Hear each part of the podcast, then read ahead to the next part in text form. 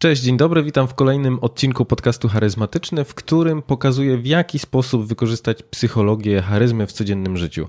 A moim i Państwa gościem jest Piotr Widera. Cześć Piotr. Cześć, bardzo miło mi, że tu jestem. W ogóle to jest mój pierwszy wywiad w życiu i się śmiałem, że a, to już ten moment, gdzie staje się popularny i w sumie ciekawym, jak to dzisiaj wyjdzie, czy będzie dobre flow. Mam nadzieję, że, że będzie. Znaczy, jestem przekonany, że będzie, bo y, zwłaszcza z tego względu, że my zajmujemy się mocno podobnymi tematami i mhm. podobne tematy nas interesują, więc jestem przekonany, że będzie nam się dobrze rozmawiało. No więc o czym będziemy rozmawiać? Będziemy rozmawiać o tym, w jaki sposób budować relacje, tak. e, jak budować relacje długoterminowo i będziemy, mam nadzieję, że uda nam się zahaczyć też o o takie, które mm, budujemy w życiu prywatnym, ale też takie biznesowe. No, hmm. Mam nadzieję, że wystarczy nam godzina. Ja mam tylko taki jeden wstęp, taką rzecz na wstępie powiem. Ja mam taki bardzo dziwny sposób mówienia, jeżeli chodzi o jakieś takie bardziej skomplikowane tematy, czyli to, bo jakby to nigdy nie ma tak, że wyjaśnisz jeden temat i wszystko jest fajnie, tylko zwykle to się łączy z dziesięcioma innymi rzeczami. Także mhm. ja mam tak, że czasem jak o czymś opowiadam, to odbijam dziesięć razy w inną stronę, ale jak ktoś nie wie, o czym ja mówię, albo nie odpowiada na pytanie, to zaufajcie mi, wszystko się ostatecznie zlewa w jedną całość. Czyli trzeba dać ci przestrzeń, dobra. tak jest.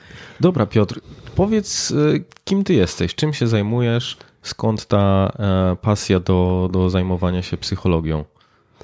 Y, aktualnie jestem trenerem personalnym. Od około 6 lat pracuję jako po prostu bezpośrednio z klientem.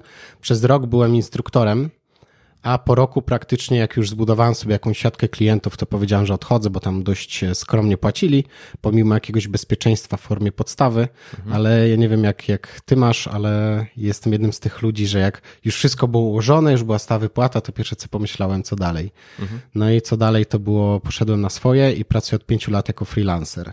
No i właśnie ta moja pasja, to wszystko, dlaczego też tutaj myślę jestem, to jest to, że moje doświadczenia, wiedza i to, czego się nauczyłem i to, co w sumie praktykowałem, sprawiło, że mam jakiegoś pewnego rodzaju takie złoto, które teraz próbuję spieniężyć właśnie poprzez swój kanał na YouTubie i zbudowanie swojej marki, jakiejś takiej popularyzacji e, no, samego siebie, że móc na przykład właśnie tak jak ty jakieś kursy robić, e, coś takiego. A jeśli chodzi o to, skąd jest ta pasja, to w sumie trudno powiedzieć, bo ja miałem tak, że jak byłem małym dzieciakiem, to miałem bardzo duże problemy, jeżeli chodzi o relacje z innymi. Mhm. I to jakby były większe dramaty u wielu ludzi, ale bardziej chodzi o to, że wiesz, dla dzieciaka wszystko ma taki wymiar ostateczny, czyli jak mhm. cię koledzy odrzucą, to a, nie, cierpienie. No i widząc, że po prostu nie dzieje się u mnie zbyt dobrze, dość szybko zacząłem nad tym pracować. I miałem kiedyś taki moment w życiu, gdzie sobie pomyślałem, może tak zamknąć na chwilę mordę, popatrzeć na ludzi i starać się ich trochę przeanalizować. Bo wiesz, kiedy na przykład weźmiemy dwie osoby z grupy, to ktoś ci powie, czemu ludzie bardziej lubią tą osobę. No i powiesz od razu, albo jest śmieszniejszy, pewniejszy siebie i tak dalej. No ja sobie w sumie dość młody byłem, nie wiem, tak sobie bardzo teraz za to dziękuję, bo miałem was 10 lat i zadałem sobie pytanie, ok, dobra, ale dlaczego ten człowiek jest śmieszny? Co sprawia, że on jest śmieszny? I starałem się przeanalizować ruchy, formę opowiadania historii i tak dalej. To było coś, co tak naprawdę analizowałem. A potem zdarzyła się taka tak fast forward 10 lat prawie do przodu, zdarzyła się taka dość ważna dla mnie rzecz, ponieważ gdzieś w wieku 19 lat, jak już mniej więcej ogarniałem, byłem tym dość lubianym dzieciakiem, więc jakby to już była wtedy jakaś taka dłuższa praca samemu ze sobą, to jednak miałem problem z kobietami, czyli jakby przy kobietach widziałem, że nie zachowuje się jak ja, tylko mam jakby do nich inne podejście, takie mhm. trochę na piedestale stawiałem i zachowałem się, nie, nie potrafiłem użyć tych swoich atutów, które wybudowałem przez, przez te wszystkie lata. Mhm. Pomimo tego, że wśród ludzi wydawało mi się, że byłem stosunkowo atrakcyjnym facetem. No wiesz jak to jest, jak masz 19 lat i nagle wszyscy wchodzą na jakieś seksualne tematy, kto zrobił co z kim, a ty stoisz z boku i myślisz, o, by nikt mnie o to nie spytał. Mhm. E, ale pomijając jakby sam fakt tego, że, że już chciałeś mieć jakąś kobietę jako mężczyzna, to jednak jak, o może tak, wpisałem w Google uwiedzenie kobiet. Mhm. Kliknąłem Enter i znalazłem jakieś forum, bo teraz jakby Facebook zabijał, pozabijał wszystkie fora, a wtedy jeszcze jakby to były takie miejsca tętniące życiem.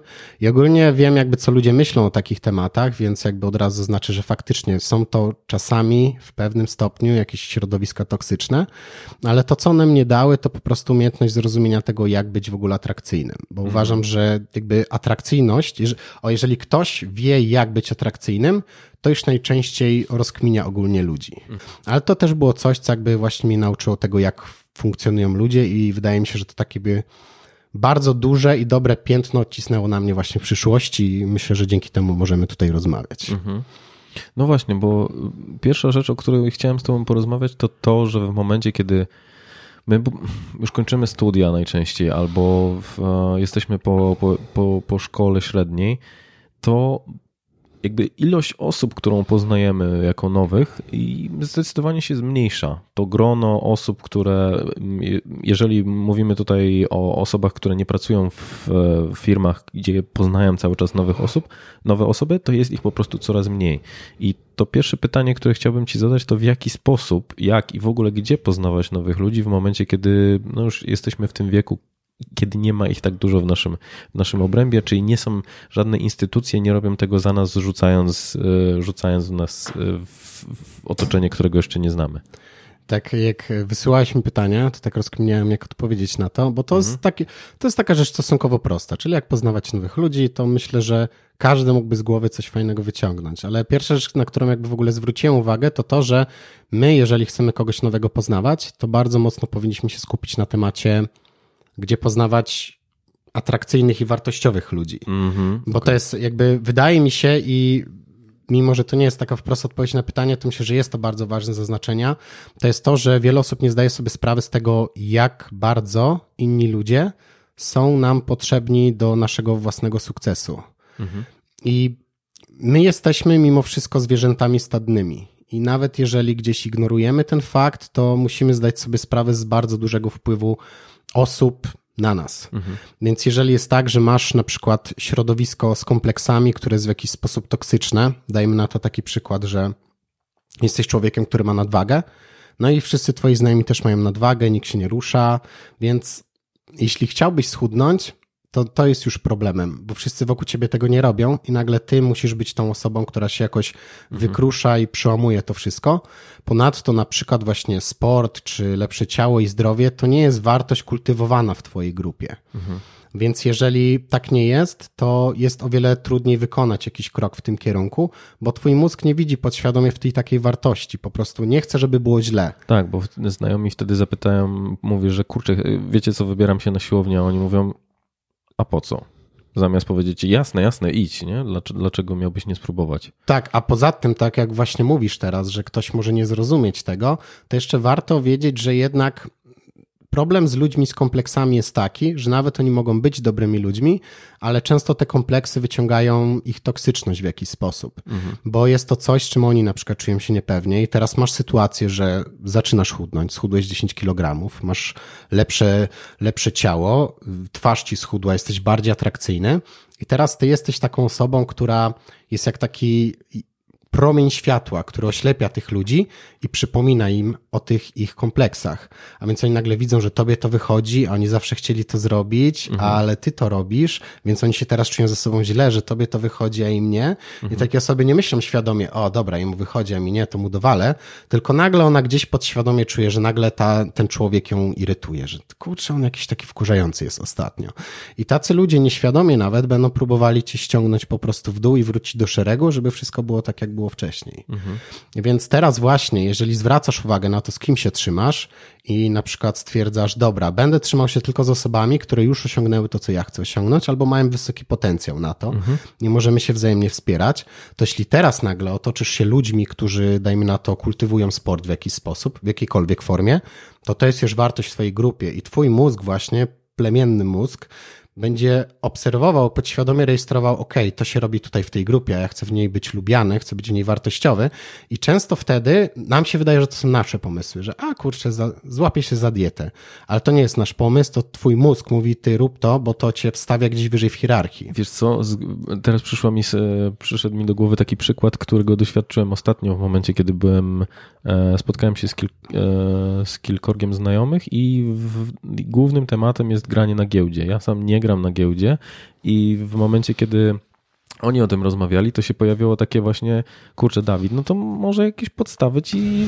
zaprezentujemy, żebyś w końcu zaczął grać z nami, bo to w sumie nie jest takie trudne i rzeczywiście przez długi czas w moim życiu było takie myślenie o tym, kurczę, giełda to jest coś niedoścignionego, jest dla super inteligentnych ludzi, tak, tak. a nagle dowiadujesz się, że są ludzie, którzy są twoimi dobrymi znajomymi, po prostu mówią, to jest coś, czego każdy może się nauczyć. Możemy ci pokazać, w jaki sposób to robić, więc jak najbardziej się z tobą zgodzę. I w pewnym momencie to, to co ty powiedziałeś, że może ci się wydawać, że to jest twój pomysł, że nagle, a może bym zaczął grać na giełdzie? Czemu nie?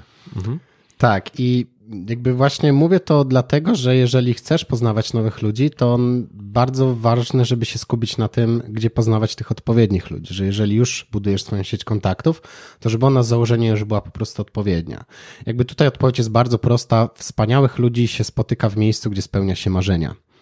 A więc wszelkiego rodzaju rzeczy, które wymagają od nas pewnego rodzaju jakiejś dyscypliny, przełamania pewnych jakby schematów, wyjścia ze swojej strefy komfortu. Może to tak brzmieć bardzo prosto, ale no chodzi o to, że zdecydowanie większa szansa, że spotkasz bardzo ciekawą osobę, na przykład na kursie tańca, albo w szkole jeździeckiej, albo um, gdzieś w jakimś boksie crossfitowym, aniżeli po prostu w klubie, gdzie e, jest po prostu impreza, zabawa, rozluźnienie. Oczywiście mhm. tu jakby nie ma co gdzieś e, stereotypami rzucać i to nie znaczy, że nie można poznawać na przykład ludzi w klubie, no ale po prostu statystycznie dajesz sobie mniejszą szansę, że to będzie osoba wartościowa. No i jakby ludzie, którzy gdzieś osiągają te swoje sukcesy, to są często ludzie już z jakimś charakterem, z jakimiś marzeniami, które wiedzą, czego chcą od życia, które często też znają siebie, no bo skoro wykonują jakiś sport, to robią go dlatego, że on ich po prostu pasjonuje. Mhm. I oni wiedzą, że taka forma ekspresji siebie poprzez na przykład właśnie sport czy jakąś naukę, to jest coś po prostu dla nich. Więc mm, jeżeli już chodzi o poznawanie nowych osób, to ja no to uważam, że powinniśmy na to spojrzeć tak jakby trochę z oddali. Czyli nie, że no dobra, to idź gdzieś, poznaj kogoś. Powinniśmy spojrzeć na to trochę w ten sposób, że jeżeli weźmiemy taką skalę tygodnia na przykład, to w skali tygodnia jest to jednak jakaś forma rutyny. Są osoby, które mają miesiąc w ogóle, każdy dzień wygląda inaczej, ale jednak prawie 100% osób ma w tym tygodniu jakąś formę rutyny. Na mhm. przykład pracuje w trakcie tygodnia, weekend jakieś swoje projekty, ewentualnie odpoczynek. Wydaje mi się, że to jest zdecydowana większość, bo nawet widziałem badania marketingowe, które pokazują, że z 95% prawdopodobieństwem można stwierdzić, gdzie ty będziesz we wtorek wieczorem. No to, no to widzisz doskonale, jak to wygląda. No i w sumie właśnie na tej bazie powinniśmy się zastanowić, co my mamy w trakcie tego tygodnia, co przybliży nas do tego celu. Jeżeli nie ma tam nic, to powinniśmy coś stworzyć takiego. Mhm. Więc właśnie, jeżeli masz tylko praca, dom, praca, dom, to taka osoba powinna znaleźć jakąś formę zainteresowań tak, w takich miejscach, gdzie będzie stale i regularnie mogła poznawać nowe osoby. Mhm. Więc um, już wymieniony wcześniej na przykład sport, więc to może być właśnie ścianka wspinaczkowa, sztuki walki. W ogóle jeżeli ktoś często jak e, promuje sztuki walki ludziom, oni tak, nie, nie, to może nie dla mnie, bo widzą gdzieś tych sebiksów, którzy się tam naparzają, ale na przykład bardzo fajnym sportem jest brazylijskie jiu-jitsu, które jest sportem chwytanym, gdzie nikomu nie robisz krzywdy, a jedyne co robisz, to próbujesz doprowadzić do pozycji, w której to ty jesteś zwycięzcą. Mhm. Jest to dość mało kontuzyjny sport, a jednocześnie on właśnie ma w sobie zawarte te takie cechy, które kształtują twój charakter. Kiedy tam przychodzisz, to mm, tak, żeby dla obrazu, dla przykładu, żeby zobrazować, jeśli chodzi o wartościowych ludzi, to wygląda to tak, że wchodzisz, jest tam wasz sensei, gość, który ma czarny pas, są właśnie, jest pięć różnych pasów, więc to jakby przedstawia wartości danej osoby, kto już gdzie jest na jakim etapie mhm. i widzisz nawet, że ludzie na poziom, podobnym poziomie trzymają się bardzo często ze sobą, bo w trakcie sparingów oni sparują ze sobą i to ich w jakiś sposób zbliża, mhm. bo wie, że ten gość z tobą wygrywa i robicie to często, mhm. więc jakby y, to jest też takie miejsce, gdzie na przykład jeżeli przegrywasz z kim, z kim się trochę boisz, bo często jest tak, że um, Fajnie jest wygrać z kimś, od kogo jesteś lepszy, bez problemu, i fajnie jest przegrać z kimś, kto jest od ciebie wiele lepszy. Ale problem zaczyna się, gdy nagle mierzysz się z osobami, z którą masz jakąś formę konkurencji, bo nie chcesz być tym gorszym. I często porażka z takim człowiekiem trochę cię boli. I to jest na przykład taki element, który ciebie jako człowieka uczy, że porażka jest stałym elementem pewnego rodzaju sukcesu. I to jest znowu, bo jakby jest wiele takich rzeczy, gdzie jakbyś spytał ludzi, Ej, jak trzeba osiągnąć sukces? No to każdy ci odpowie dokładnie tą samą regułkę i ona się będzie zgadzać, ale skoro wszyscy to wiedzą, to czemu nikt tego nie robi? Mhm. I właśnie tak samo jest na przykład z kwestią porażki, czyli jeżeli masz te, jest to nawet w psychologii, jest coś takiego, co nazywa się ekspozycja, więc wystawiasz się na te małe porażki, to potem podjęcie jakiegoś dużego kroku nie jest dla ciebie takim problemem i ty nie tylko wiesz, że tak to działa, ale to czujesz jakby całym sobą. Więc jakby takie pojedyncze miejsce może ciebie zmienić jako człowieka, ale też spotykasz tam ludzi, którzy coś takiego robią. I tutaj jakby właśnie to może być Szczególnie jest to sport, są to rzeczy związane z jakąś kulturą i nauką, czyli na przykład kiedyś spotkałem się z dziewczyną, która powiedziała mi taki fajny, taki fajny fun fact, że na przykład u nas w Krakowie są e, spotkania takie, gdzie ludzie przychodzą, chcą się nauczyć jakiegoś języka i spotykają tam ludzi, którzy znają ten język i wzajemnie się na przykład go uczą poprzez rozmowę. Mhm. I oczywiście tutaj warto zaznaczyć, że trzeba zwrócić uwagę na swoje zasoby, bo fajnie się tak mówi, no słuchaj, pójdź sobie tutaj na takie spotkanie albo na sztuki walki, a teraz ktoś mieszka na przykład w gminie sześciotysięcznej. Mhm. Więc jakby prawda jest taka, że teraz każdy człowiek musi się zastanowić, co on może zrobić. I w ogóle kiedyś ze znajomym na ten temat rozmawialiśmy, nawet jest kurs Jordana Petersona trochę w tym kierunku wykręcony. E, self-outring on się nazywa bodajże, gdzie piszesz na początek, jak chciałbyś, żeby wyglądało twoje życie, a następnie rozpisujesz, co musiałbyś zrobić, żeby to życie się jakby zmanifestowało. No i teraz, jeżeli ktoś ma bardzo złą rutynę, mieszka w takiej pracy, że na przykład jest w rozjazdach, jeździ powiedzmy ciężarówką przez cały miesiąc, no i on mówi, no ale ja nie mogę nigdzie poznać ludzi. No to taka osoba musi zastanowić, czy to jest w ogóle dobry kierunek jej życia. Mhm. Bo ile tak można pociągnąć? No, powiedzmy, taka osoba nie może zrobić teraz, zmienić pracy, ale może powinna się zacząć powoli rozwijać w jakimś kierunku, żeby to osiągnąć za rok, dwa, bo no ile ona tak wytrzyma, jeżdżąc i stwierdzając, że jednak nie ma tych znajomych odpowiednią ilość. Mhm. Zwłaszcza, że to jest często używane jako wymówka że ja mam taką pracę albo mieszkam w takim miejscu i to jakby powoduje, że chciałbym poznawać nowych ludzi, ale z drugiej strony nie chciałbym zmieniać czegokolwiek w swoim życiu. Tak, dokładnie, że właśnie wszystkie e, jakieś takie cele wymagają często od nas działania i niektóre te działania będą takie bardzo skrajne, na przykład przeprowadź się. Nie? Myślę, że działania, a nazwałbym to też dosadniej wyrzeczeniami, ponieważ tak jak mówisz, przeprowadź się, zmień pracę albo całkowicie się przekwalifikuj, to, no to wymaga dużo, dużo od nas i odwagi i tego, żeby, żeby zmienić czegoś, czego, o czym wcześniej nawet nie myśleliśmy. Dokładnie. No właśnie jak sobie postawisz, jak chciałbyś, żeby twoje życie wyglądało, to nagle zaczynasz dostrzegać pewne te miejsca, które możesz, e, które wymagają od ciebie pracy. No i właśnie chodzi o to, że Twoje działanie w poznawaniu nowych znajomych może być przez miejsce, mhm. ale ono też może być poprzez Twoje działania. Czyli dajmy na to, masz pracę zdalną. Mówisz, chciałem kogoś poznać, mieszkasz, dajmy na to, w dużym mieście. No i okazuje się, że masz sporo biur coworkingowych, mhm. gdzie przychodzą ludzie i pracują i tam wynajmują biura. Więc teraz nagle wchodzisz w takie miejsce i już nagle otaczasz się tymi ludźmi. Ale to nie jest wystarczające, bo każdy ma swoją pracę, jest mało tam jakby pewnego rodzaju formy jakiejś integracji ty, z tymi ludźmi. No ale na przykład możesz za, za każdym razem wchodząc, mijać ludzi i równie dobrze mówić im cześć jak przez 2-3 tygodnie będziesz się z kimś po prostu witał i mówił mu cześć, to już jakąś barierę przełamujesz i teraz mhm. na przykład robicie sobie kawy w miejscu socjalnym i teraz już skoro mu powiedziałeś 10 razy cześć, to możesz równie dobrze spytać, jak tam twoja praca. Mhm. Więc oprócz samego miejsca musimy też mieć jakąś formę inicjatywy. Ja na przykład robię tak, że bardzo często w miejscach, gdzie się stykam z jakimś biznesem, czyli to nawet, nawet może być jakaś kasjerka albo właśnie ktoś w dziale obsługi klienta, mówię w tym momencie tak jeden na jeden, to bardzo często mi się zdarzało pogadać z kimś chwilę i nawet wymienić kontaktami i być może później spotkać. A to nie było jakby rzecz planowana, tylko spytałem, jak ci mija dzień. Mhm. No w ogóle kiedyś właśnie miałem problem, żeby podejść do kogoś i zagadać, bo to się wydawał taki bardzo odległy krok, ale z pytania już, jak ci mija dzień, już jest Jakby mhm. bardzo e, takie delikatne. No i w sumie tak jak teraz pomyślę, to prawie 10 lat. Prawie za każdym razem pytam kasjerkę, jaki mi dzień i czasem śmieszne rozmowy wychodzą. Mhm. Jak był koronawirus ostatnio, to pamiętam, ten, ten pierwszy lockdown był, kupuję coś w Biedronce i mówię do tej babki, Pani też się czuje jak w filmie? o, no tak, wie pan co? Kiedyś nie rozumiałem filmu Matrix, a teraz już rozumiem, nie?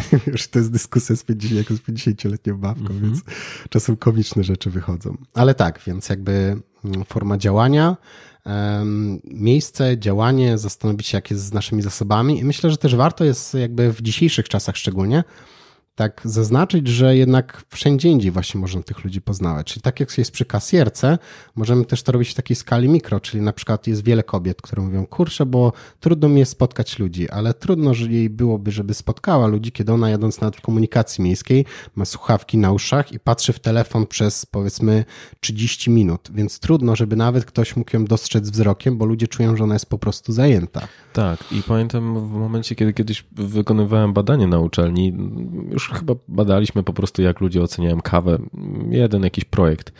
I naszym celem byli po prostu ludzie między wykładami, którzy się nudzili i trzeba było ich targetować. To po prostu zajmowało dwie minutki przepytanie ich e, w trakcie, jakby przeprowadzenie takiej ankiety.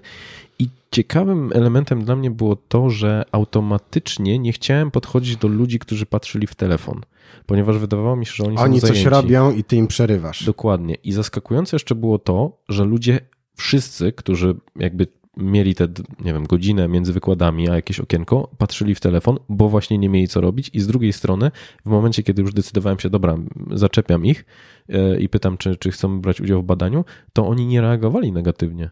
Po prostu to było jak... Nie czuli się jakbyś im coś przerwał, Dokładnie. tylko jakby z nudy coś robili, o, tu jest coś ciekawszego. Mhm. Także, ale pamiętam ten mój pierwszy odruch i w pełni się z tobą zgadzam, że jeżeli ktoś ma słuchawki w uszach, jeżeli ktoś patrzy w telefon, e, albo nawet czyta, to, to jak z czytaniem książki, to jest taki naturalny opór kurczę, może nie do końca jakby jest sens rozmawiać z tą osobą, bo jest zajęta. Jeszcze taki fun fact, e, były badania, że jeżeli ktoś się uśmiecha, to ludzie go mają za takiego, jakby to powiedzieć, bardziej easy going. Mhm. Więc okazuje się, że taka w tym wypadku kobieta przez samo uśmiechanie się może sprawić, że ci mężczyźni, którzy się trochę boją, będą mieli w głowie tak psychologicznie, że ona się uśmiecha, więc ona jakby mnie nie odrzuci, a jeżeli mi odmówi, to zrobi to z uśmiechem, więc idę tam, mogę, mogę coś w tym kierunku nie, zrobić. Nie spotka go krzywda. Tak, mhm. więc ona jakby ściąga trochę presję z takich osób, ale już takich, które mają wobec niej jakieś dobre zamiary. Mhm. Więc nawet sam właśnie uśmiech i nie patrzenie w telefon może sprawić, że być może spotkasz przyjaciela na całe życie albo partnera. Więc mhm. to są jakby rzeczy wartościowe.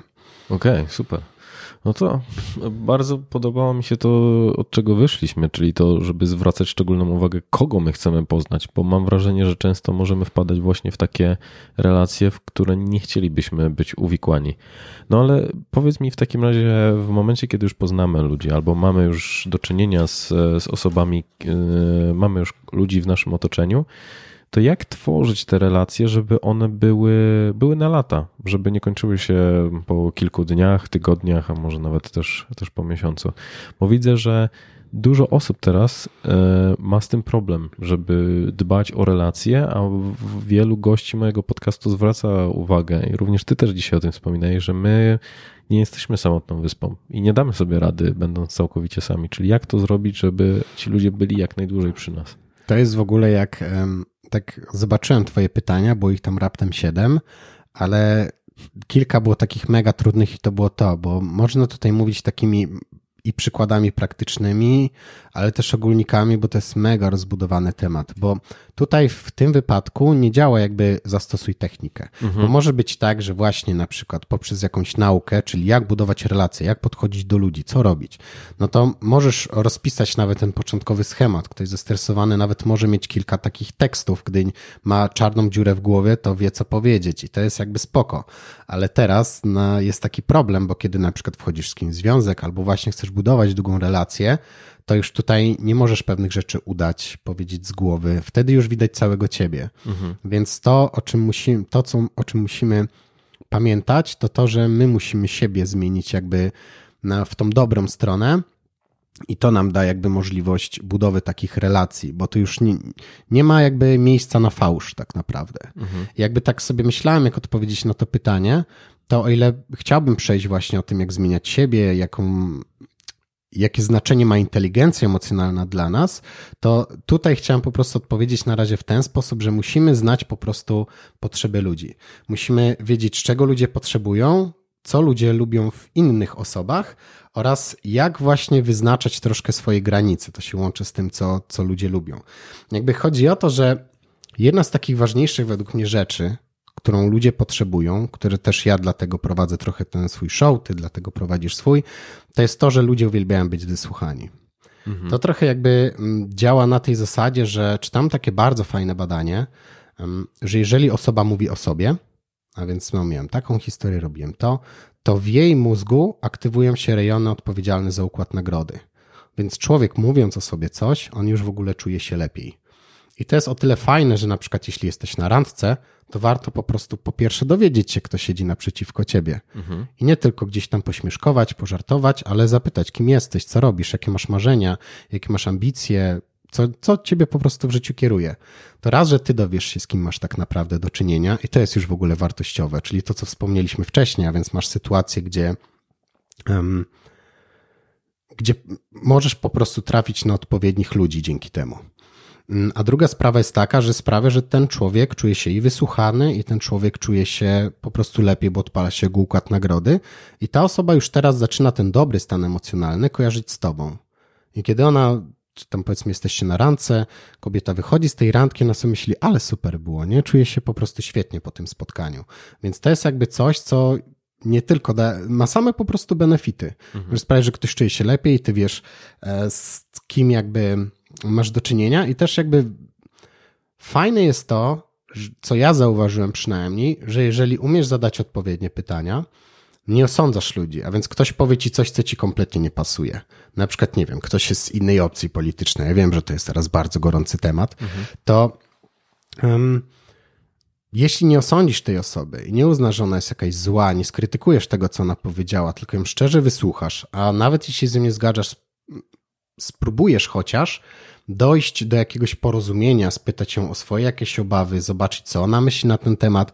Jeżeli nie zrobisz tego w osądzający sposób, to ten człowiek widzi, że może ci powiedzieć tak naprawdę wszystko o sobie. Mhm. I... Czyli pytasz, żeby zrozumieć, a nie po to, żeby odpowiedzieć. Dokładnie. Mhm. I oczywiście można się gdzieś wymieniać, możesz się z kimś nie zgodzić, możesz nawet gdzieś próbować kogoś wyjaśnić, powiedzieć hola hola, to trochę inaczej działa. Mhm. To jest jakby, wiesz, dyskusja wygląda bardzo różnie.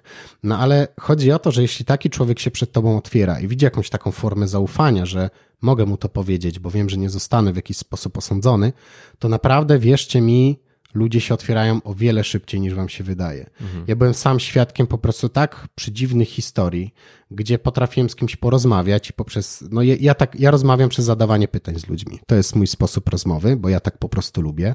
Możecie to też zobaczyć na kanale inter, interpersonalnym. Dokładnie, więc nawet do tego stopnia to lubię, że właśnie swoje show otworzyłem, gdzie mhm. zapraszam gości, bo lubię im zadawać pytania.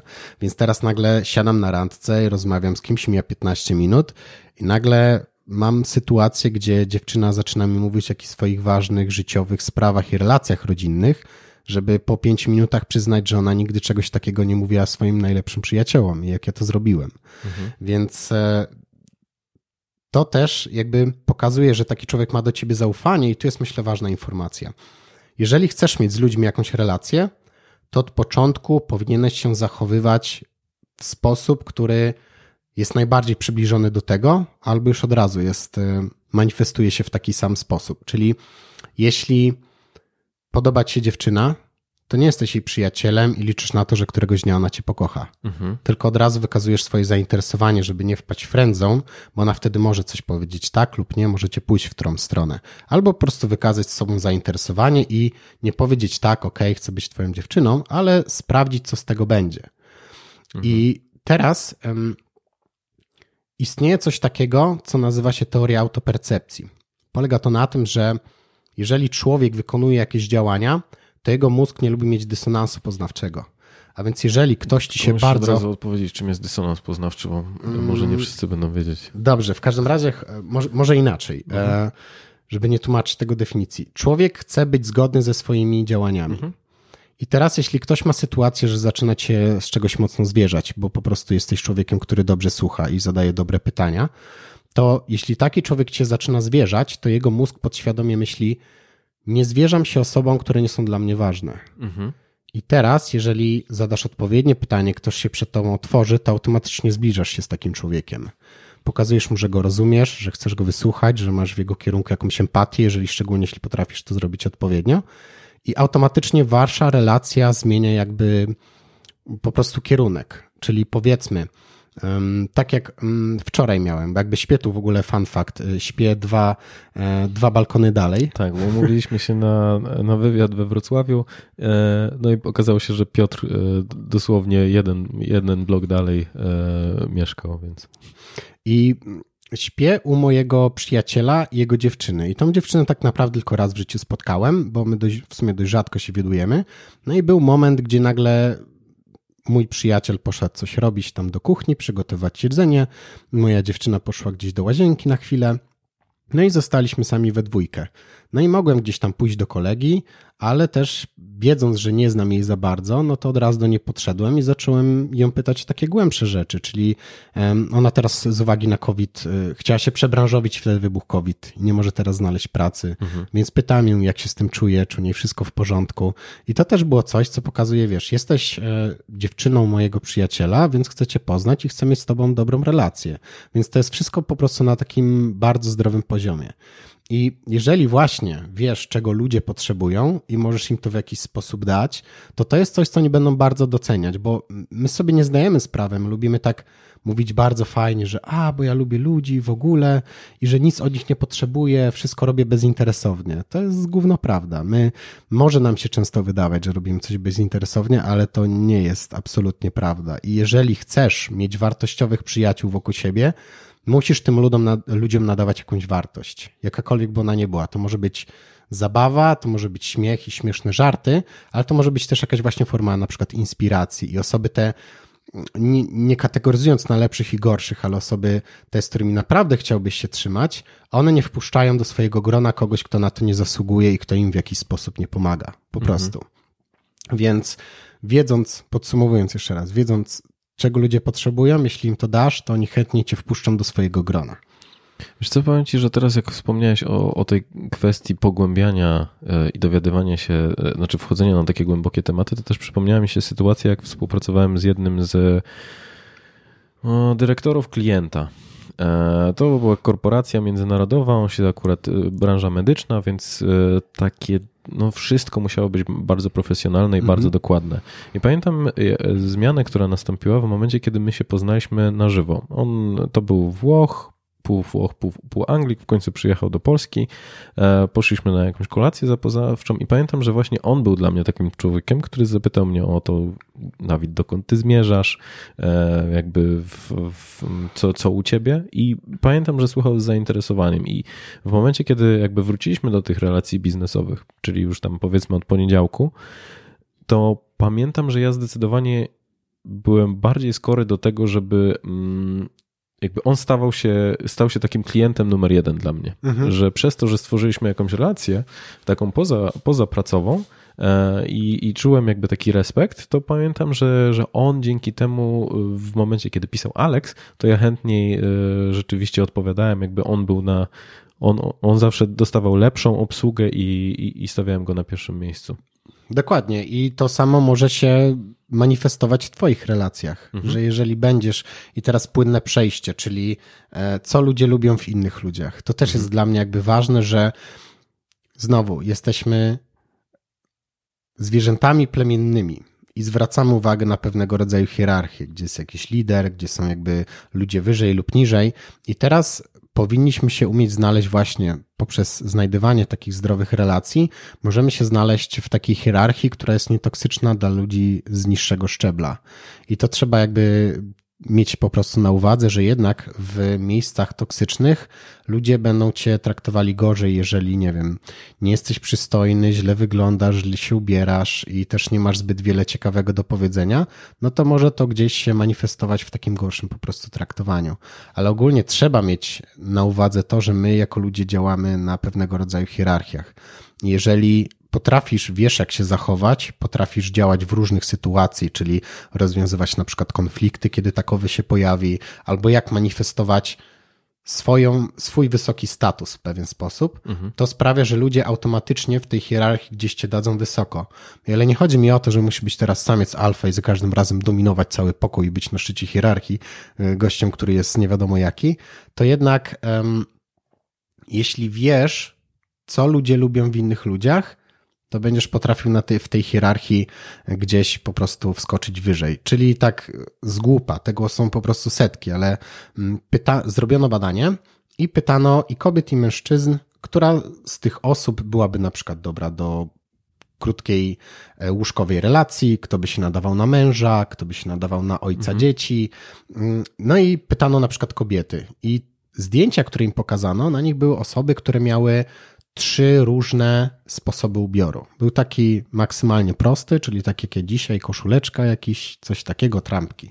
Potem był taki już casual, czyli jakaś koszula w kratę, być może troszkę bardziej elegancko. No i trzeci, taki najwyższy poziom to już było na przykład trzyczęściowy garnitur.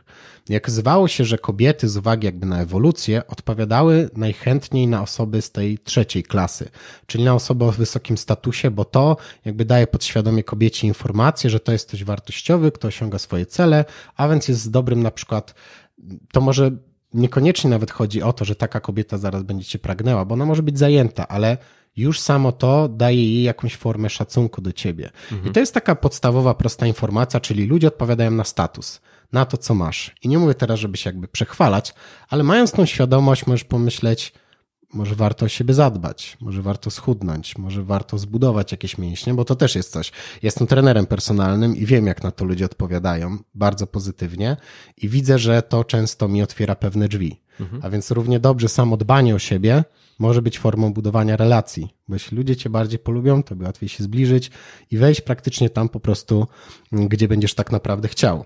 Czyli ja też wyczytuję z tego, żeby po prostu obserwować, jak my sami reagujemy na innych ludzi, co my lubimy w tak, tych innych ludziach.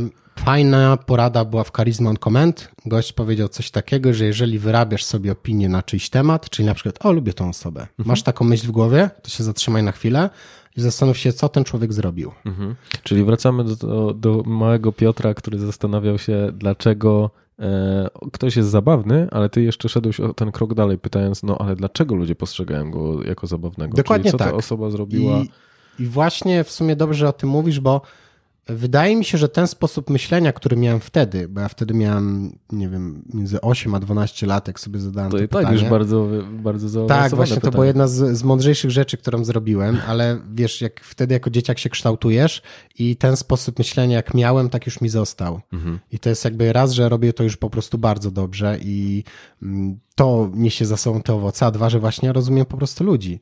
Wiem, jak sprawić w grupie, żeby na przykład, y, dajmy na to, rozmawiamy sobie w czwórkę i widzisz osobę, która jest jakiegoś rodzaju introwertykiem i ciężko ma się przebić, kiedy wokoło są jacyś tacy nabuzowani ludzie. Więc możesz, mając tą świadomość, możesz wciągnąć tą osobę w rozmowę mhm. i na przykład, jeśli jej nie znasz za bardzo, to nie mówisz tylko do swojego kolegi, nie patrzysz mu w oczy, ale na przykład opowiadając historię, patrzysz też jej w oczy i to już wam da jakieś połączenie, mhm. albo możesz możesz nawiązać do jej historii, albo możesz ją jakoś wciągnąć w rozmowę i zadać pytanie i jakby przerzucić tą interakcję na tą osobę. Mhm. I tak naprawdę w pewien sposób kontrolujesz ten pokój, który, mm, który macie, ale sprawia, że inni ludzie czują się lepiej, bo on teraz ma możliwość się wykazania i powiedzenia po prostu czegoś.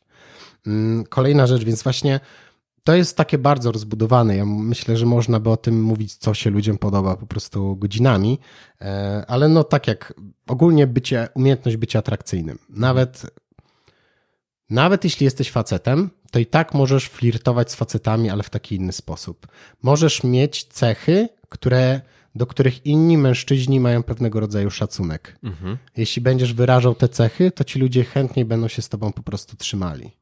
A jeśli chodzi o mężczyzn, to my mamy takie cechy, e, takie wartości, jak inni mężczyźni wokół nas. To nas mniej więcej mm, definiuje, więc zwracamy uwagę właśnie, e, jak my za dzieciaka oglądamy te wszystkie Dragon Ball, jest jakiś tam buzujący w nas testosteron, to jakaś forma takiej zdrowej rywalizacji, to wszystko, jeżeli widzimy, że ktoś robi te rzeczy, to to automatycznie buduje po prostu mm, szacunek u takich ludzi. Mhm. I tak myślę, że przechodząc płynnie, bo wspomniałem też o wyznaczeniu granic. To znaczy, bo fajnie jest powiedzieć, bądź miły dla ludzi, bądź uśmiechnięty, pomagaj im i wszystko się ułoży, ale tak do końca to nie wygląda. Jest myślę jeden taki bardzo ważny element, czyli właśnie wyznaczanie granic, bo problem polega na tym, że jeżeli jesteś kimś na przykład z dołu hierarchii i próbujesz być miłym i dobrym, to często nie będzie się to spotykało z takim uznaniem, jakbyś chciał. I teraz mam taki przykład, wyobraź sobie sytuację, że jesteś powiedzmy w klasie, no i masz coś tam wygłosić. No i wstajesz, mówisz coś ważnego, siadasz. I powiedzmy, że wyszło ci to całkiem dobrze, to co miałeś powiedzieć zostało powiedziane. I teraz masz dwie sytuacje. W jednej gość, wyobraźmy sobie gościa, który ma wszystkie takie pozytywne cechy, jak z filmu dla amerykańskich nastolatek. Mhm. Czyli jest dobrze zbudowany, jest przystojny, jest pewny siebie, ludzie go szanują, ma jakiś tam wysoki. Wszystko, co może mu dać, dajmy mu. I teraz ten człowiek akurat siedzi obok ciebie, klepie cię po plecach, mówi: Super stary, zajebiście to powiedziałeś. To teraz automatycznie, wiedząc, kim jest ten człowiek, czujesz się tak, czujesz dumę i uznanie mhm, po prostu tych ludzi. Ale teraz, jeżeli to samo wykonałby człowiek, który jest przeciwieństwem kogoś takiego, czyli na przykład jest mało pewny siebie, źle wygląda, ma zamkniętą postawę ciała, jest niepewny, jeśli taka osoba powie, poklepie cię po plecach i powie super, fajnie to zrobiłeś, to w skrajnych przypadkach nawet możesz czuć pewnego rodzaju politowanie dla tej osoby, bo masz wrażenie, jakby tacy ludzie, ich zdanie się tak, jakby nie, nie ma aż takiego znaczenia. E, ponadto masz czasem, możesz mieć przeczucie, że taki człowiek, on mówi to po to, aby się przypodobać. Żeby świecić twoim blaskiem w tym momencie. Tak. I teraz zwróćmy właśnie uwagę na to, że mówimy o dokładnie dwóch takich samych zachowaniach, a ich odbiór jest kompletnie inny. Mhm. I to jest właśnie to, że musisz być gdzieś wyżej w tej hierarchii, choćby, choćby z uwagi na to, ale też właśnie to jest to, że jeżeli będziesz takim miłym i dobrym człowiekiem, to znajdą się na Twojej drodze ludzie, którzy będą to wykorzystywali. I myślę, że każdy z nas ma chociaż kilka sytuacji w życiu, gdzie był dla kogoś dobry, często miał jakieś bliskie relacje, na przykład przyjaciel, ale ktoś pożyczył pieniądze, albo tym mhm. nagle jesteś w dupie i coś potrzebujesz.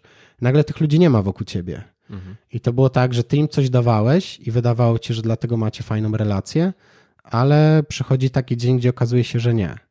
I właśnie po to umiejętność wyznaczania granic, ja, ja się teraz powiem to bardziej z perspektywy mężczyzny, z uwagi, że no nim jestem, to po pierwsze, no tak nie, nie lubię mówić o sobie w taki sposób, ale jestem dobrze zbudowany, dobrze się ubieram. Potwierdzam, jest.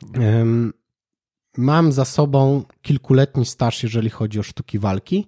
A ponadto ja gdzieś w wieku, powiedzmy od gimnazjalnego wieku do tak około 19 roku życia, ja się wstrzymałem po prostu z dresami. Bo dla mnie to byli ludzie, którzy byli najzabawniejsi. Mhm. Tylko problem właśnie w dresach jest to, że to są ludzie, którzy mają trochę toksyczną hierarchię. A więc tam jest tak, że masz 10 osób w grupie, te na dole łańcucha mają przejebane po prostu one są często poniżane, gdzieś tam, jak trzeba kogoś znaleźć do mm, pośmiania się, to najczęściej są to te osoby z dołu hierarchii.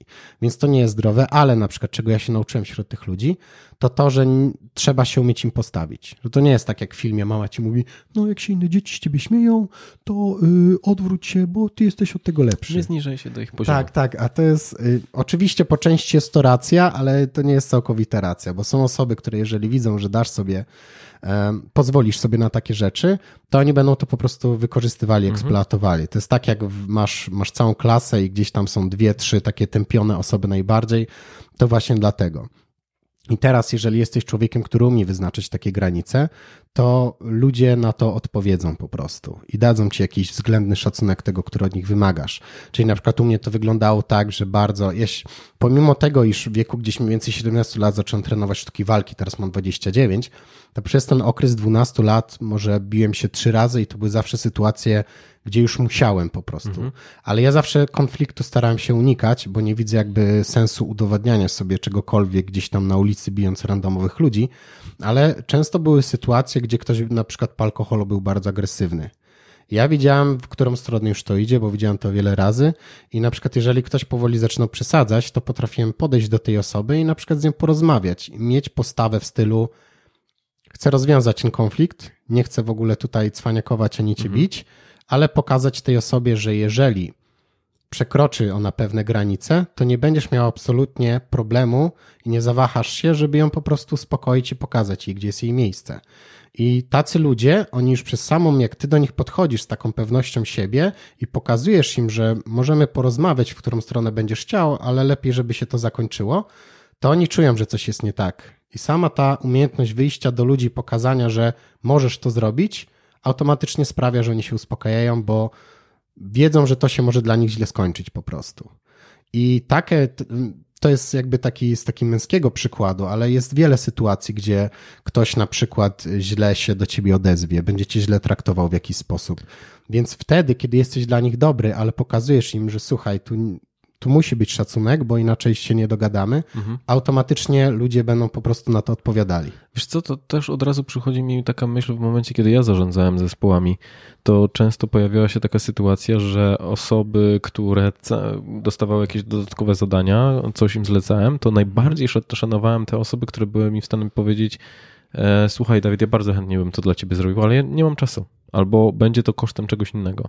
A w momencie, kiedy ktoś e, jakby chciał być miły i uprzejmy i brał na siebie dodatkowe zadania, projekty, cokolwiek, to po prostu kończyło się tym, że nie wiem, siedział dłużej w pracy, a ja też jestem zwolennikiem myślenia o tym, że na, jeżeli pracujesz więcej niż to te 8 godzin, to najczęściej jest to kosztem twojej wydajności w reszcie tygodnia. Mhm. Także te osoby robiły na mnie najbardziej pozytywne wrażenie, które były w stanie asertywnie powiedzieć: Słuchaj, jakby chętnie, ale dzięki, nie mogę, jest, nie teraz, albo jutro, albo w przyszłym tygodniu. Tak, nawet ostatnio o tym myślałem, że o, mieliśmy ostatnio taką sytuację, gdzie gość był taki bardzo ugodowy i nie potrafił pewnych rzeczy powiedzieć wprost. Mhm. I kiedy ktoś zapytał, ej, jedziemy gdzieś tam, przykładowo, to on zamiast powiedzieć, nie wiesz co, sorry, ale nie mam czasu, to on tak, a, wiesz, bo ja nie... I zaczyna się nagle tłumaczyć. I robi to jeszcze takim tonem, że automatycznie taka odmowa jest o wiele gorsza od takiej zwykłej, że aż... E... Że ty chcesz przejąć ciężar tej rozmowy i powiedzieć, Stary, ja rozumiem, że nie możesz, więc po prostu powiem za ciebie, nie. No ale tak, nie, że czasem to jest nawet, e, bo wiesz, jednak mamy te takie wewnętrzne impulsy i zachowania, które mhm. możemy kontrolować w jakiś sposób.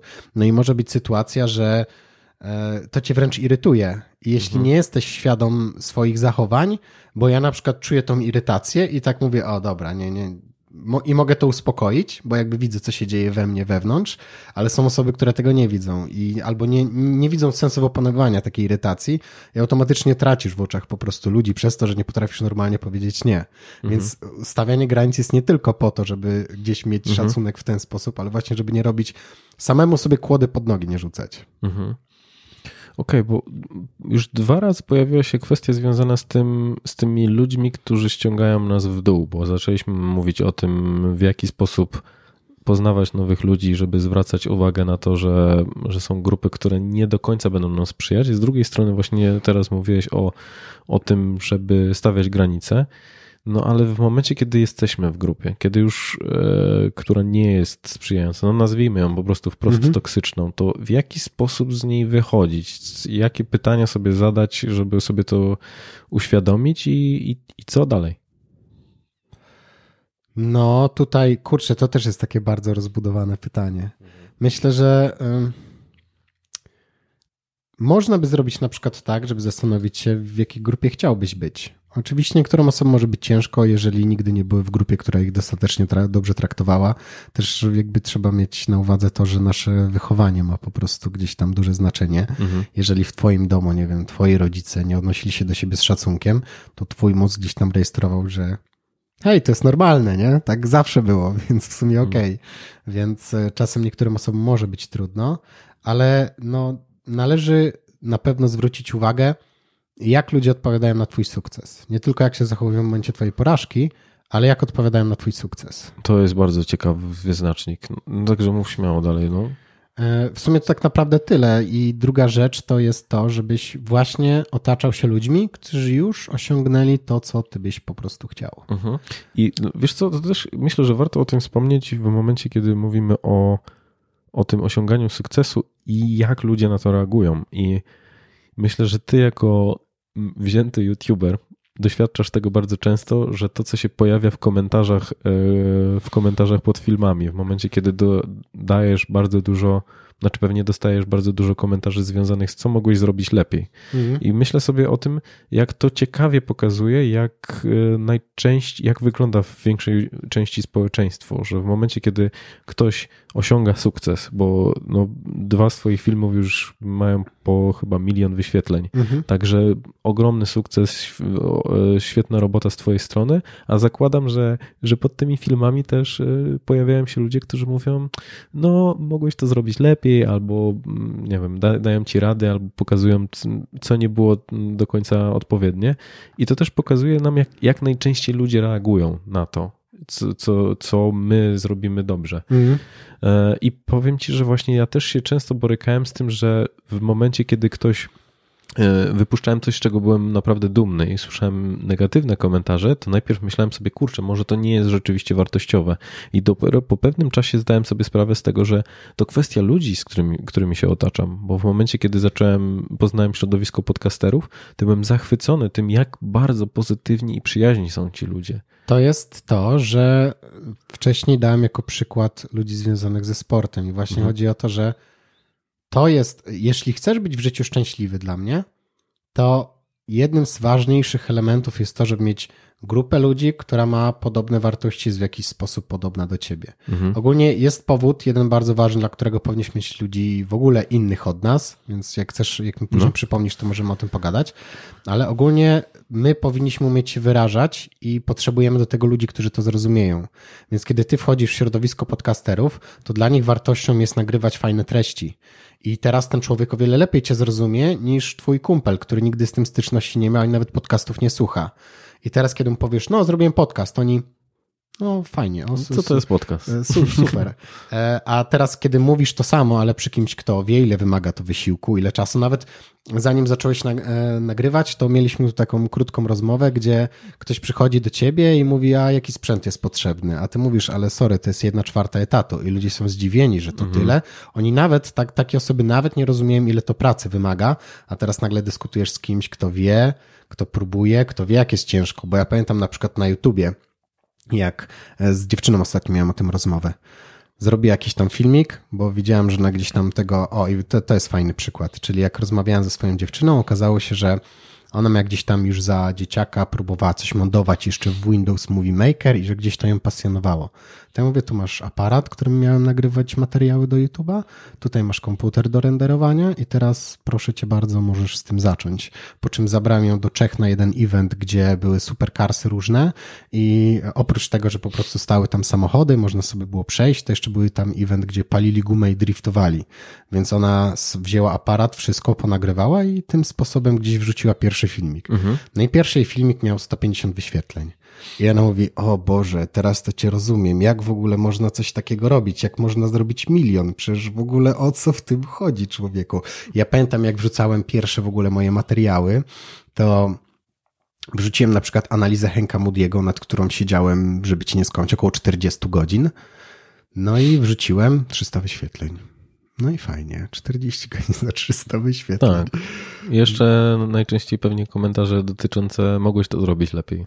Które nie, były budujące. No, ale wiesz, jakby chodzi o to, że ona mówiąc w tym momencie, że wrzuciła to i widzi, jakie są efekty, ona dopiero zdaje sobie sprawę z tego, jakiego to ogromu pracy tak naprawdę wymaga, żeby zbudować cokolwiek. Szczególnie mhm. teraz, jak treści jest tyle w internecie, to, to tak. Więc ogólnie trzeba po prostu, podsumowując, mieć ludzi o podobnych wartościach do Twoich. Ale powiedziałeś też o tym, że trzeba mieć ludzi, którzy są inni od nas samych? Tak jest. Um, kilka powodów. Jeden na przykład jest taki, że warto mieć kogoś, żeby się uczyć od niego czegoś. Dajmy na to, jesteś bardzo ugodowym człowiekiem, więc ogólnie mm, będziesz źle odpowiadał na pewne działania w twoim życiu, czyli na przykład kiedy trzeba poprosić o podwyżkę, jest to osoby mniej ugodowe mają ciężej, kiedy grasz w jakieś gry, jest tutaj też pewien problem, kiedy ktoś w restauracji ci poda nie to danie, które trzeba, a w sumie nie chcesz, żeby głupio było kelnerce, to siedzisz mhm. cicho.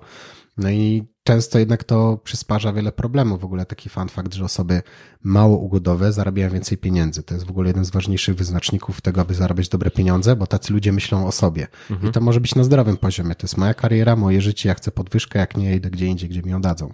Więc to jest w pewnym sensie zdrowe.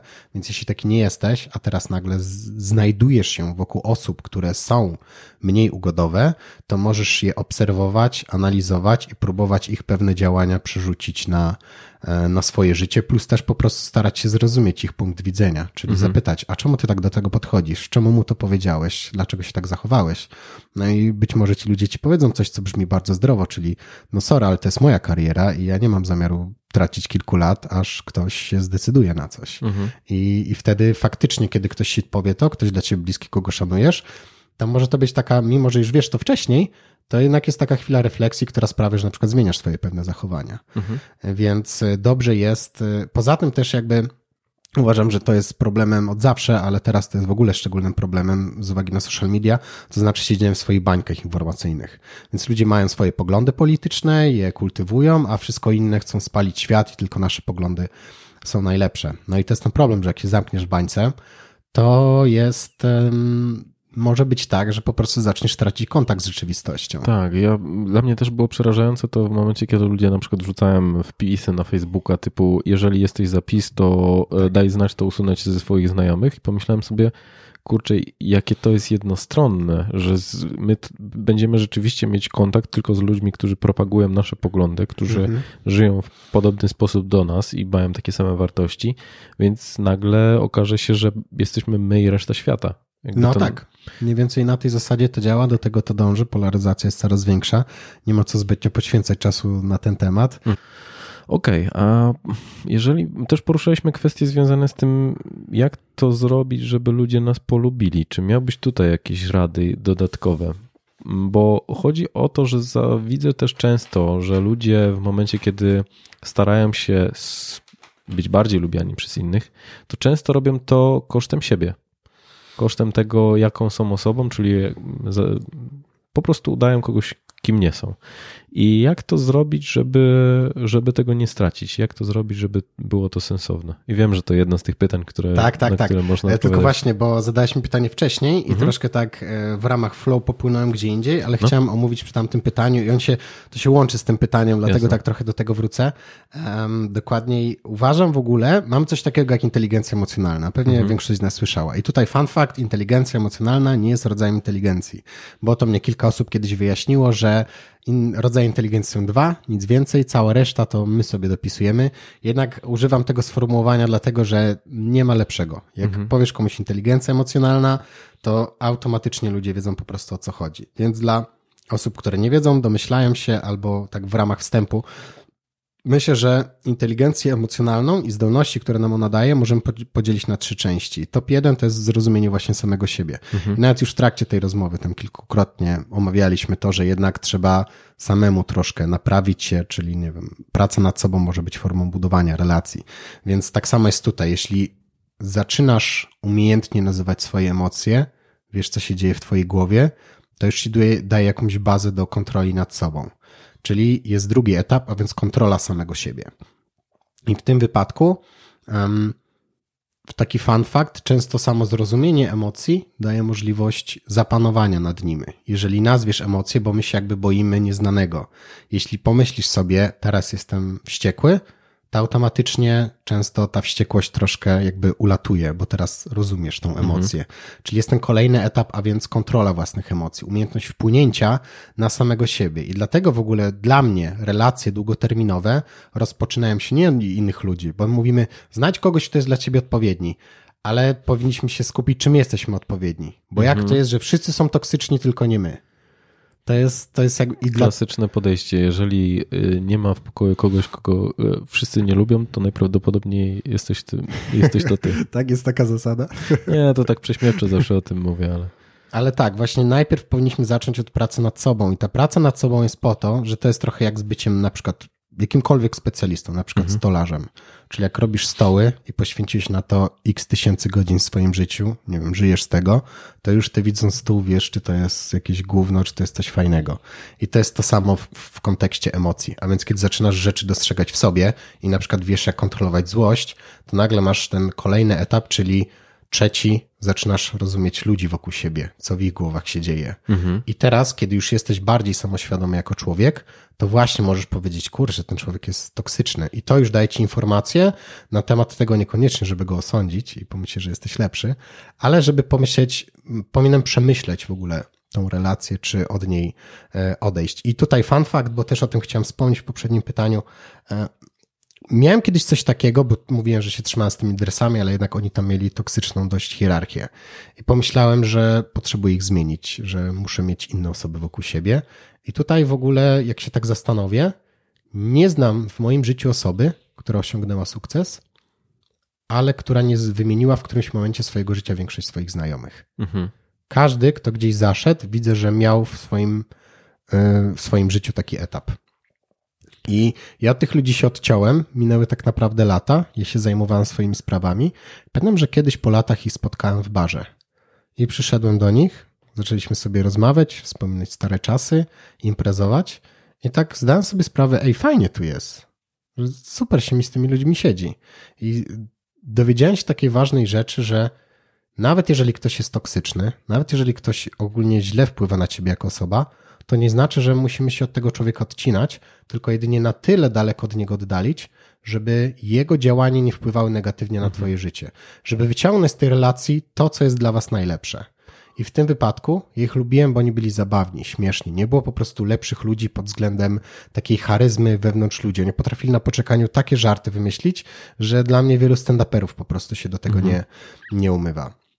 I nagle zdałem sobie sprawę, że ta toksyczność wynikała z tego, że oni mi zazdrościli być może jakiejś rzeczy czasami, a więc były sytuacje, gdy podobała mi się jakaś dziewczyna, to oni gdzieś tam dosypywali węgla, coś jej mówili, gdzieś tam mhm. przy wszystkich coś wspomnieli, że niby mnie tak kąsili lekko, właśnie żeby na przykład mi nie wyszło. I zdałem sobie sprawę, że po prostu ja nie powinienem mówić o tym ludziom wszystkiego szczegółowego o moim życiu, bo to im wtedy daje prawo do krytykowania tego i wchodzenia z butami w to życie. Więc jedyne, co ja zacząłem robić, to widzieć się z nimi mniej regularnie, ale po prostu na piwko, pogadać mhm. co u kogo i tak dalej, ale nie wchodzić tak blisko, żeby ta toksyczność mogła mnie zaatakować. Więc to jest też, myślę, jakiś taki ważny element, że niektórzy mówią, a, nauczyłem się czegoś o życiu i teraz odciąłem się od złych ludzi. No ale jednak z tymi ludźmi trzymałeś się dla czegoś kilka lat. Może mhm. warto się nad tym po prostu e, zastanowić. Ale już wracając, trzy E, ten trzeci poziom zaczynasz rozumieć w ogóle, co się dzieje wokół ciebie i wtedy masz ten czwarty poziom, czyli potrafisz wpłynąć na na przykład swoją złość, swoją wściekłość, to być może będziesz potrafił wpłynąć na inną osobę. I to jest dla mnie fajne, że osoba o wysokiej inteligencji emocjonalnej potrafi kontrolować swoje otoczenie a więc jeśli jest konflikt, potrafi go rozwiązać. To są rzeczy właśnie bardzo przydatne w pracy i to są wszystko te rzeczy, które pomagają nam budować takie bardzo głębokie, długie relacje. Bo często to, co rozwala takie długie relacje, to jest na przykład nie, że ktoś kogoś źle traktuje, tylko ktoś ma jakąś irytującą rzecz. Kolega twój się spóźnia i to jest już irytujące, że po raz 15 się spóźnił na 15 spotkanie po 15 minut, mm -hmm. bo to jest twój czas, a nie jego czas. I na przykład jeśli nie potrafisz tego powiedzieć, wyznaczyć tej granicy znowu, to to rozbija tak naprawdę relację, bo ktoś cię najzwyczajniej siedzi w kurwie. Mm -hmm. Jasne. Myślę, że bardzo często jest tak, że po prostu wiele osób nie jest w stanie zwrócić tak prosto uwagi, nie? Piotr, jakby 15 raz się spóźniłeś, proszę nie rób tego. Albo robią to w nieodpowiedni sposób, czyli Albo. to jest um, często domena kobiet, a więc jeśli kobieta na przykład od mężczyzny nie dostaje odpowiedniej dozy, dozy czułości, to ona nie przyjdzie, powie, słuchaj, czy mógłbyś dać mi tego więcej, tylko bo ty nigdy mi tego nie dajesz. I teraz mhm. ten człowiek czuje się pod ścianą zaatakowany, czuje się osądzony i tak myśli, zaraz, a co z tymi wszystkimi razami, gdzie dałem ci tą czułość? Mhm. Jak jest ta informacja, skoro teraz twierdzisz, że jest tak nigdy, to chcesz powiedzieć, że nie widziałaś tam tych poprzednich razy, więc w sumie po co mam się starać, bo i tak tego nie docenisz, kiedy przyjdzie dzień słabości. Mhm. I to są takie rzeczy, co rozpieprzają te relacje, więc choćby właśnie rozwiązywanie konfliktów, ale w taki dobry sposób, umiejętność mhm. kontroli tego wszystkiego. I właśnie um, te całe zalety tej kontroli to jest właśnie coś takiego, że możesz wesprzeć swoich znajomych, czyli daje swojej dziewczynie, masz tutaj komputer, masz tutaj aparat, proszę cię bardzo, możesz zacząć działać i w jakiś sposób też inspirujesz tą osobę. Mhm. E, to jest też jakby bardzo spoko, że jednak warto, e, o, był taki jeden raper, który powiedział taki tekst, jeżeli w pokoju, w którym jesteś, nikt cię nie inspiruje, to nie jesteś w odpowiednim pokoju, tylko w klatce. Okay. I, I, to powinno trochę tak działać, że właśnie powinieneś mieć ludzi, którzy doszli gdzieś, nie, nieważne gdzie, to może być nawet ich związek dwojga ludzi. To jest coś, co na przykład oni mają, czego ty nie masz, a chciałbyś mieć. To są jakby, wiesz, te, taka forma inspiracji, autorytetu jest, jest bardzo ważna. Mm, kolejna rzecz jest taka, że no masz wtedy ogólnie lepszą jakość życia. Ludzie samoświadomi, gdzieś tam zostało zgłoszone, że e, przeprowadzone badania, że po prostu wykazują lepszą radość z relacji, z życia i z pracy. No i taka jedna z ostatnich rzeczy to jest to, że potrafisz się chronić przed tą manipulacją. Czyli znowu, jak zadałeś tam to poprzednie pytanie o to, kiedy coś zauważyć, to mhm. widzisz, gdy ktoś nawet nieświadomie, ale próbuje cię zmanipulować, na przykład mhm. wrzucić cię w takie poczucie winy, że to jest twoja wina, to ty się masz zmienić, a nie, że ja coś robię złego. I jakby w tym kontekście inteligencji emocjonalnej, jakby robiłem, zadałeś mi teraz pytanie, jak być lubianym, mhm. ale bez zatracenia siebie. Mhm. I właśnie ten, ten temat inteligencji emocjonalnej jest tutaj o tyle ważny, że masz taką umiejętność poprzez zrozumienie ludzi, kiedy rozumiesz siebie, rozumiesz ich, i teraz poprzez to zrozumienie możesz się dostroić do nich. I nie oznacza to, że musisz udawać kogoś, bo to jest tak, że inaczej się zachowujesz przy babci, a inaczej się zachowujesz przy swoim kumplu. I to nie znaczy, że przy babci jesteś sztuczny i kogoś udajesz, ale po prostu wiesz, że to jest osoba, która e, nie, po, nie poopowiadasz, jak, jak to się ostatnio w barze nawaliłeś z kolegami, no bo wiesz, że to nie będzie interesujące dla tej osoby, plus też ona ma inne wartości, inny wiek i tak dalej. E, więc taka umiejętność dostrojenia się, jeśli już masz wyższą inteligencję emocjonalną, to może sprawić, że sprawisz, iż ludzie będą cię lubili, ale nie będziesz udawał kogoś, po prostu będziesz umiejętnie się do nich dostrajał. Mhm. I na przykład wiesz, że w tej grupie osób, w której dziś siedzimy, ta historia by nie przeszła, ale mogę powiedzieć historię, która wiem, że im się spodoba, a jednocześnie ona będzie zgodna ze mną, bo mhm. się wydarzyła i chciałbym ją opowiedzieć. Więc już przez taką samą pracę nad sobą możesz sprawić, że o wiele lepiej będziesz dogadywał się jakby z większym spektrum ludzi. To jest, to jest w ogóle mega ciekawe, że jeśli potrafisz na przykład być jednocześnie na przykład energiczny czy spokojny, to sprawia, że potrafisz falować po, po tym spektrum na mhm. przeróżnych miejscach i to sprawia, że znowu z innym człowiekiem inaczej się zachowujesz teraz w tym momencie, więc to już jest dla mnie jakby ważna informacja, czyli umiejętność takiego dostrojenia się pod innych bez um, udawania kogokolwiek. Zwłaszcza, że często od nas jest wymagane, żebyśmy byli wyraziści, czyli jeżeli nie jesteś jakiś, czyli na przykład zawsze bardzo energiczny, to, no to ludzie nie będą cię lubić, tak? Że często spotykam się z takim odrzucaniem tego, czy, czy, czy, czym ty nazywasz dostrajanie się. Czyli mhm. z jednej strony ty musisz być w każdy, znaczy tak, ty musisz mieć określony charakter, ty nie możesz być chorągiewką. I tutaj mówię w taki bardzo mm, przerysowany sposób, tak, tak. ale często jest to tak postrzegane, że w momencie, kiedy ty się dostosujesz, to Piotr, kim ty jesteś? Z jednej strony opowiadasz takie, takie historie, a w drugiej grupie zupełnie jesteś zupełnie inną osobą. Więc fajnie, że o tym wspominasz, że można to robić w rozsądny sposób, który sprawia, że my jesteśmy bardziej akceptowani w, w, w pewnych środowiskach. Ja w ogóle tak mi się wydaje, że to jest, to ma wszystko też takie plusy, o czym teraz rozmawiamy, że jeżeli właśnie znasz dużo ludzi, znasz dużo historii, masz ten poziom empatii, potrafisz zrozumieć kogoś, kogo nawet nie pochwalasz, na przykład jego poglądów w pewien sposób, to wszystko tworzy ciebie jako człowieka, ale mhm. nie jesteś taki prostolinijny, bo czasem jest tak, że widzisz kogoś, tak śmiejąc się trochę teraz, tak pół żartem, pół serio, ale widzisz na przykład rasowego Sebiksa. Patrzysz na niego, już wiesz, że na pewno pod tą kurtką jest pewnie tribal, wiesz jak wygląda jego dziewczyna, wiesz jakim autem on jeździ, wiesz jakiego on ma psa i najpewniej wiesz jaką on ma pracę. Mhm. I to jest, wiesz, patrząc, tylko spoj spojrzysz i już wiesz mniej więcej, co tam się po prostu dzieje. Ale nie, nie krytykując, ale jakby chodzi o to, że są czasem takie osoby, mm, jednowymiarowe i oczywiście jak najbardziej można to akceptować, bo wiesz, mieszkając na przykład na wsi, niektórzy ludzie oddają się rodzinie, to jest jakby super. E, każdy właśnie, jeśli tacy ludzie są szczęśliwi, to jest super. Ale ja uważam, że co jest taką bardzo wartościową umiejętnością, to jest e, bycie złożonym z bardzo wielu różnych elementów, różnych mhm. subkultur.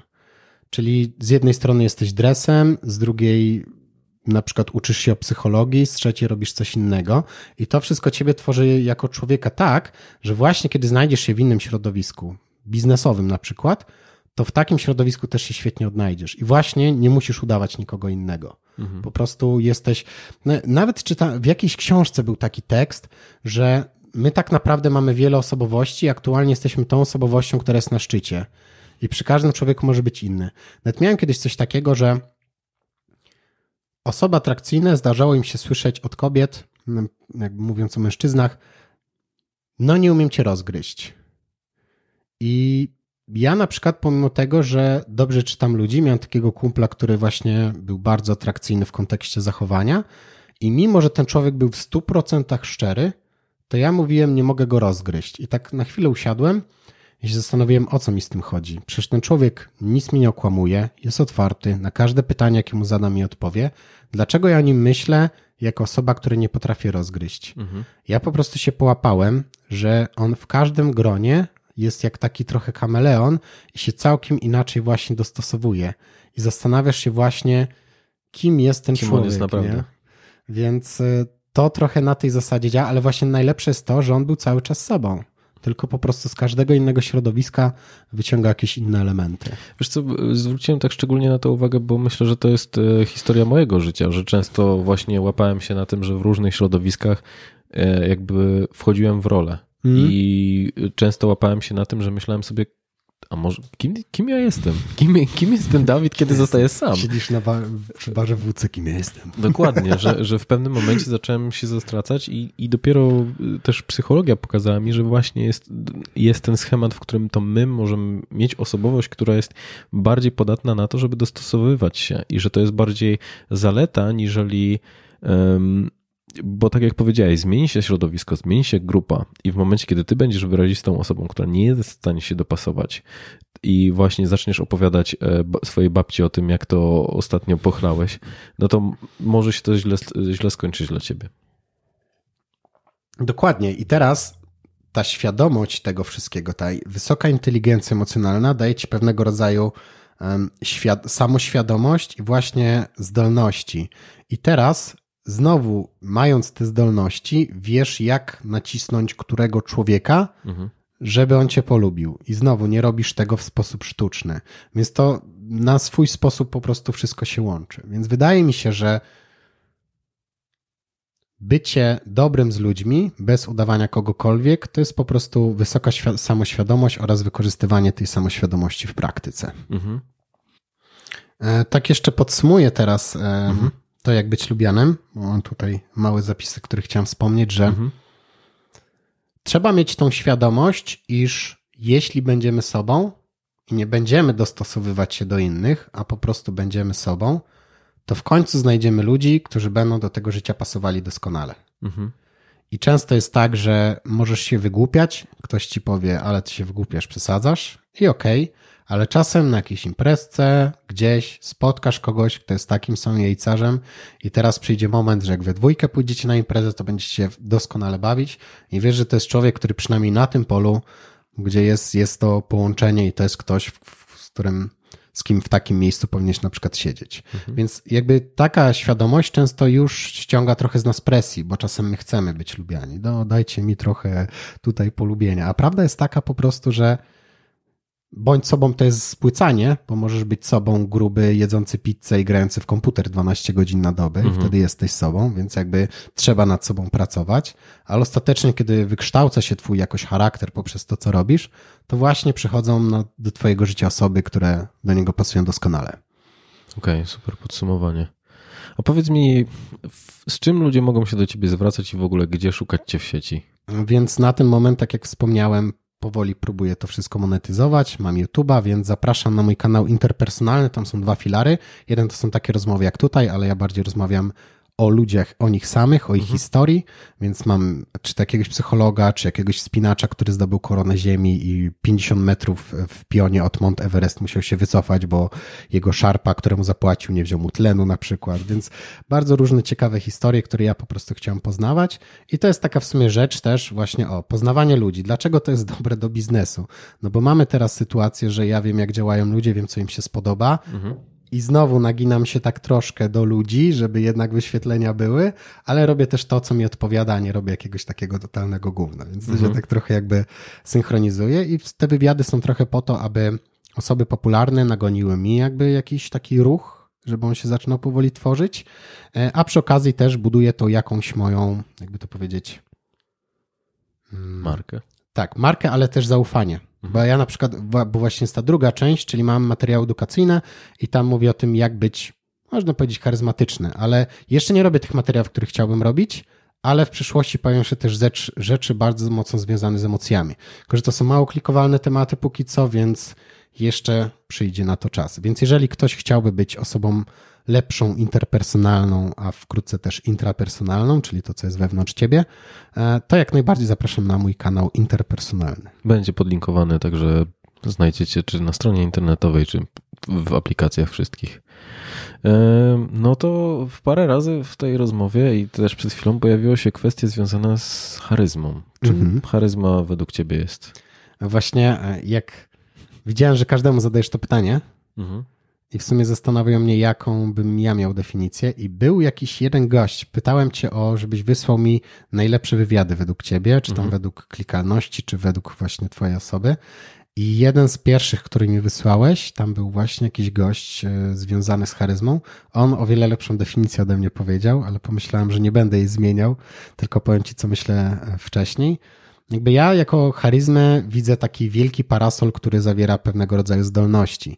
I te zdolności właśnie mogą sprawić, że jesteś charyzmatycznym człowiekiem. W moim rozumowaniu osoba charyzmatyczna to taka, którą fajnie się słucha, która potrafi fajnie opowiadać, tak, że ludzie chcą tej osoby słuchać. Oni chcą poświęcić jej swój czas. I osoba charyzmatyczna to jest też ktoś, kto potrafi zmieniać opinie ludzi albo nawet wpływać na ich stan emocjonalny. Hmm. Więc jeżeli ktoś nie chce kupić Twojego produktu, a jesteś charyzmatyczny, być może poprzez znajomość wartości tej osoby będziesz w stanie jej przekazać te wartości, które ona chce i powiedzieć, żeby pokazać jej, że Twój produkt jest zajebisty. Więc tak widzę charyzmę, ale dla mnie to jest taki jakby bardzo szeroki parasol, który zawiera różne zdolności, które często sobie przeczą. Bo dla mnie na przykład właśnie osoby charyzmatyczne są osoby samoświadomie, bo oni wiedzą, co się ludziom podoba, co jak działa i wiedzą, jak powiedzieć coś w taki sposób, aby e, ujęło to po prostu serce innych ludzi. I to może być osoba charyzmatyczna, a z drugiej strony spotykałem wiele takich choleryków, którzy byli mega wybuchowi, ale oni potrafili te emocje przenieść na jakieś wystąpienia publiczne mhm. i sprawić, że pomimo to był ktoś, który nie radzi sobie sam ze sobą i swoimi emocjami, to kiedy stawał na scenie, to po prostu porywał ludzi, bo te emocje potrafił zagarnąć po prostu od innych osób. Super. No cóż, Piotr, to wszystko z mojej strony, także dzięki wielkie za to, że, że wpadłeś. Było bardzo miło Cię gościć. A, dziękuję również. A wy, drodzy słuchacze i widzowie, e, wam również dziękuję za to, że, że poświęciliście czas na, na wysłuchanie lub obejrzenie tego odcinka. Jak zwykle miałbym do was prośbę, że jeżeli cokolwiek e, spodobało Wam się w tym podcaście, to chciałbym Was prosić o to, żebyście pomyśleli o jednej osobie, której mogłoby się to przydać. Dzięki temu ja będę zwiększał zasięgi, a Wy być może zmienicie czyje życie. Paniu, jak zwiększyć zasięgi dwukrotnie w bardzo krótką chwilę? Wiesz co, wydaje mi się, że to takie najbardziej yy, zgodne ze mną, żeby prosić ludzi o to, żeby, żeby podawali dalej to, z czym absolutnie się zgadzają. No i cóż, i proszę też Was o to, żebyście zasubskrybowali e, kanał na YouTubie, w, e, ocenili podcast w iTunes albo po prostu dali kciuk w górę i e, no i cóż, i do usłyszenia w następnym odcinku. Dzięki wielkie.